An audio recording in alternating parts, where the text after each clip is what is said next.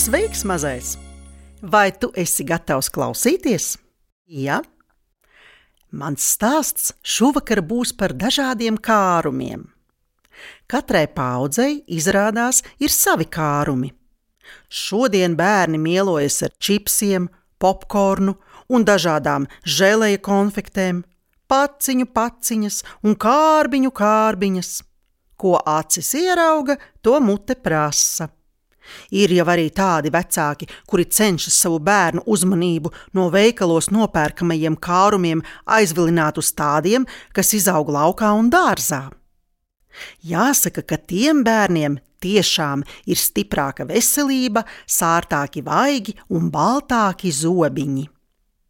Reiz kāds vectēvs lepojās ar to, ka viņa mazdēls pa ziemu nograužot divus lielus maisus ar burkāniem.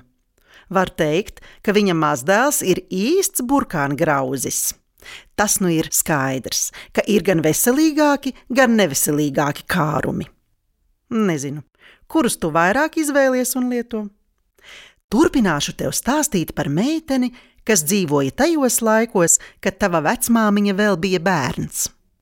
Tie bija tādi laiki, kad visa kā bija maz, pat nepietiekami, arī ēdiens.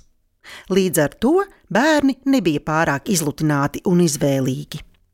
Protams, īpaši negaršīgu jau nēdīs, lai kā gribētos ēst. Bērni jau visos laikos ir meklējuši un pārbaudījuši, kas ir garšīgs un ko gribas vēl un vēl, bet ko mutē labāk nelikt. Arī šī meitene mīlēja burkānus. Tieši no dobes. Izrāva burkānu, noskaloja lietus ūdens uzkrājumā muciņā, vai tāpat noslaucīja zālē un kraukš, kraukš. Reizēm pamēģināja, kā garšo burkāni kopā ar zaļajiem zirņiem, kurus arī turpat dobē izlobīja no pāksts. Ēdams! Bet zirņi kopā ar sarkanajām jāņogām ne, gan nebija garšīgi. Nevārītas kāršu pupiņas un cūku pupas arī tā. Labāk vārītas, tad gan tās bija gardas. Bet bija arī tādi kārumi, kurus nemaz neiedomātos ēst, ja organisms pats tos nepieprasītu. Siekalas mutē saskrēja, kad meitene no skolas mājās nākot, iedomājās vien, ka tikko būs pa virtuves durvīm iekšā, tā tūlīt pakāpsies uz ķeblīša, lai piekļūtu augšējam plauktam, roku grozā iekšā un izcels no turienes divus lielus, saldos sīpolus. Tā arī darīja. Abus sīpolus nomizoja, tad vienu nograuza sālī pamērcējot, otru cukurā. Sāļais un saldais ēdiens un pusdienas bija pēstas. Māte gan centās sīpolus glabāt ar vien citā vietā, jo tādi sīpoli maksāja naudu, kuras ģimenei bija maz. Tajā pašā laikā vecāki arī saprata, ka meitenes organismam kaut kā trūkst, un jāļauj vien ir tos sīpolus šķiept. Un jāsaka, ka meitenē vēl ilgus gadus saglabājās balti un spēcīgi zobi. Meitenes vecākiem zināmas raizes sagādāja un prasīja lielu pacietību virtuves plīts mūrītis. Lieta tāda, ka meitenei ļoti kārojās kaļķa apmetums uz mūrīša. Kad neviena nebija mājās, pa pusstundai viņa sēdēja pie mūrīša, knibināja no tā kaļķa apmetumu un ēda zobiem kraukšķinot. Meitene katru dienu nolupināja no mūrīša pa laukumiņam, un nedēļas beigās tas jau prasījās pēc remonta. Cik vecāki bojājumu atjaunoja, tik meitene atkal noēda. Un pārunas par to nekādas nenotika. Jo vecāki saprata, ka arī šis bērnam ir nepieciešams kārums. Tas jau visiem zināms, ka svaigā gaisā un sevišķi fiziski kustoties apetīte ir vislabākā. Ja kāds bērns, piemēram, slikti ēda, tad gudri vecāki, kādi bija arī meitenei, ļāva ar maizes riku rokā skraidīt pa pagalmu. Galvenais, ka bērns paēdis. Tas, protams, nav tas pats, kas ēst pilsētā, ejot pa ielu. Laukos, pagalmā vai dārzā tas ir pilnīgi pieļaujami, pat vēlami. Apbrīnojami atšķirīga ir garša tādai maizes rikai, vai to ēd istabā vai ārā.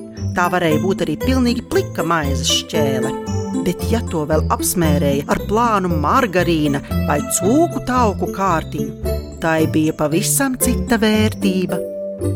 Vēl jaukāk, ja maizes riku ar teikarotīti apslacināja ar ūdeni vai tēju, lai uz rikas uzbērtais cukurs nenobirst. Tāda cukurmaize bija kārumu kārums. Pie dārza vārtiņiem pienākusī māsīca, trīs gadus jaunāka par meiteni, kuras ģimene bija vēl trūcīgāka izstiepa savu kalsno rociņu pēc cukurmaizes. Nebija vienkārši dalīties ar to, kas pašai ir tik ļoti maz, un pēc mirkļa pavisam nemanot jau būs apēsts. Un tomēr meitene atrada sevī spēku, krietnu gabalu no cukurmaizes nolauzt un ielikt māsītes tievajos pirkstiņos. Tie krampjaini satvēra maizes gabalu un visu uzreiz iestūma mutē īsts mirklis, un piebāztā mute jau bija tukša. Māsīca varbūt nemaz nepaspēja sagaršot, vai tā bija cukurmaize vai kas cits. Lai arī cik trūcīga bija ģimene, tomēr ar vienu tika ietaupīti līdzekļi, lai svētdienas un svētku dienas iezīmētu ar kādu saldo ēdienu. Svētdienās kāds no ģimenes pēkšņi ierunājās, ka būtu labi sakult olas. Tās guva atsaucību un darbošanās sākās. Trīs līdz četras olas uz četriem ģimenes locekļiem, olas pārsita, dzeltenumus ieslidināja vienā traukā un baltumus citā, un neliels ķīviņš ar māsu, kura kūl dzeltenumu un kura baltumu.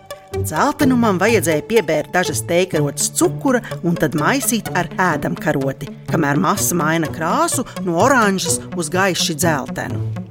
Baltumu kūla ar atspēru slotiņu tik ilgi, kamēr glumais olbaltums pārvērtās sniegbaltās, stingās putās. Kulšanas laikā nenotika nekāda pagaršošana, jo tādam olbaltumam nebija nekādas garšas, un pati kulšana bija smags, vienmuļš un pacietīgs darbs. Bet, kad baltums un dzeltenums atsevišķi bija sakulti, tad baltumu ar karoti iecilāja dzeltenumā tik ilgi, līdz izveidojās viendabīga, tumīga, gaiši dzeltena masa. Tad to sadalīja pa četrām ļodiņām, un ātri vien bija apēsts. Atlika vienīgi traukus nomazgāt. Tāpat kā šajos laikos, arī toreiz bērnu starpā ātri vien izplatījās ziņas, kas kur garšīgs atrodams. Kad ciema centrā atbrauca saldējuma sieva, ziņa par to apskrēja visu ciemu. Bērni paķēra savas krūzītes, un ātri vien jau izveidojās gara rinda pie saldējuma vitrīnas.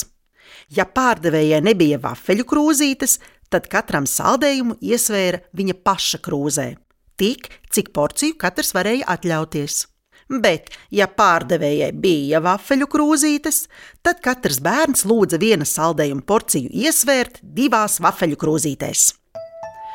Bija dienas, kad ciemam pieveda halvas būņģes. Pati būņģa jau vien bija ko vērta. tādas vēl nebija redzētas. Spožas ar krāsainiem svežzemju zīmējumiem un kruzuļainām rakstu zīmēm uz vāciņa, kā grāmatā par veco hotabiču. Un buļģā iekšā kaut kas, ko tā nemaz nevarēja aprakstīt. Tas pats birza un kusa mutē, un kā kumos nosūkāja, tā tūlīt otrs sekoja, un trešais. Ar lielu piespiešanos un vecāku stingru prasību buļbuļsaktas saturs ietaupījās vēl vismaz trim, četrām dienām. Meitenei nākot no skolas, tāpat kā daudziem bērniem, ceļš veda gar ciema aptieku. Aptiekniece jau zināja, ko visi pirks - C vitamīnu ar glikozi. Viņi gan visiem piekodināja nēst vairāk par trim vitamīniem dienā. Aizrotais sevis aptiekas durvis, padoms jau bija aizmirsies.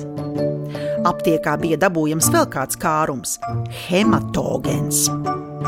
Tā iztērējās nelielā kabatas naudiņa. Bet jāsaka, ka visi tā laika kārumi bija ne tikai nekaitīgi, bet pat veselīgi. Kā ir ar taviem kārumiem? Un vai tev nešķiet, ka visiem bērniem ir kāds viens kopīgs kārums? Kas tas varētu būt? Jā, jā, tā jau es domāju.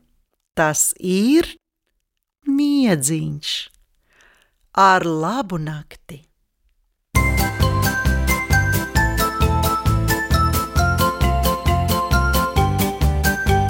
Skaidra lieta, ja tu audz, lai tu augtu jādaudz. Saknes, dārzeņi un viss,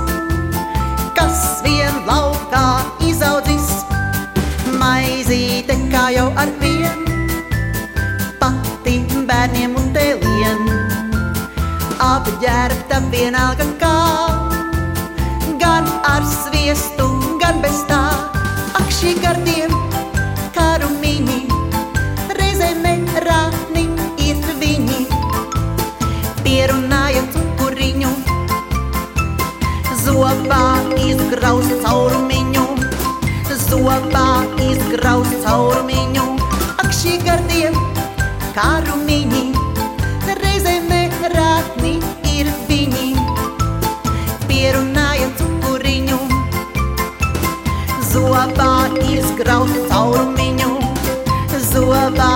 izgrauz caurumiņu.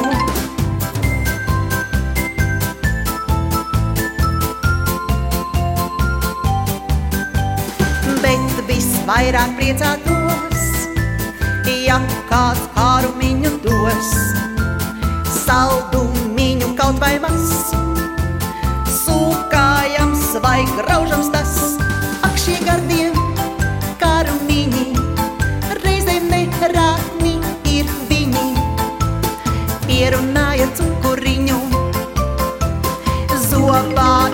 izgrauz caurumiņu zobā izgrauz caurumiņu. Ak, šī gardie kārumiņi, reizēm nerātni ir viņi. Pierunāja cukuriņu, zobā izgrauz caurumiņu, zobā izgrauz caurumiņu.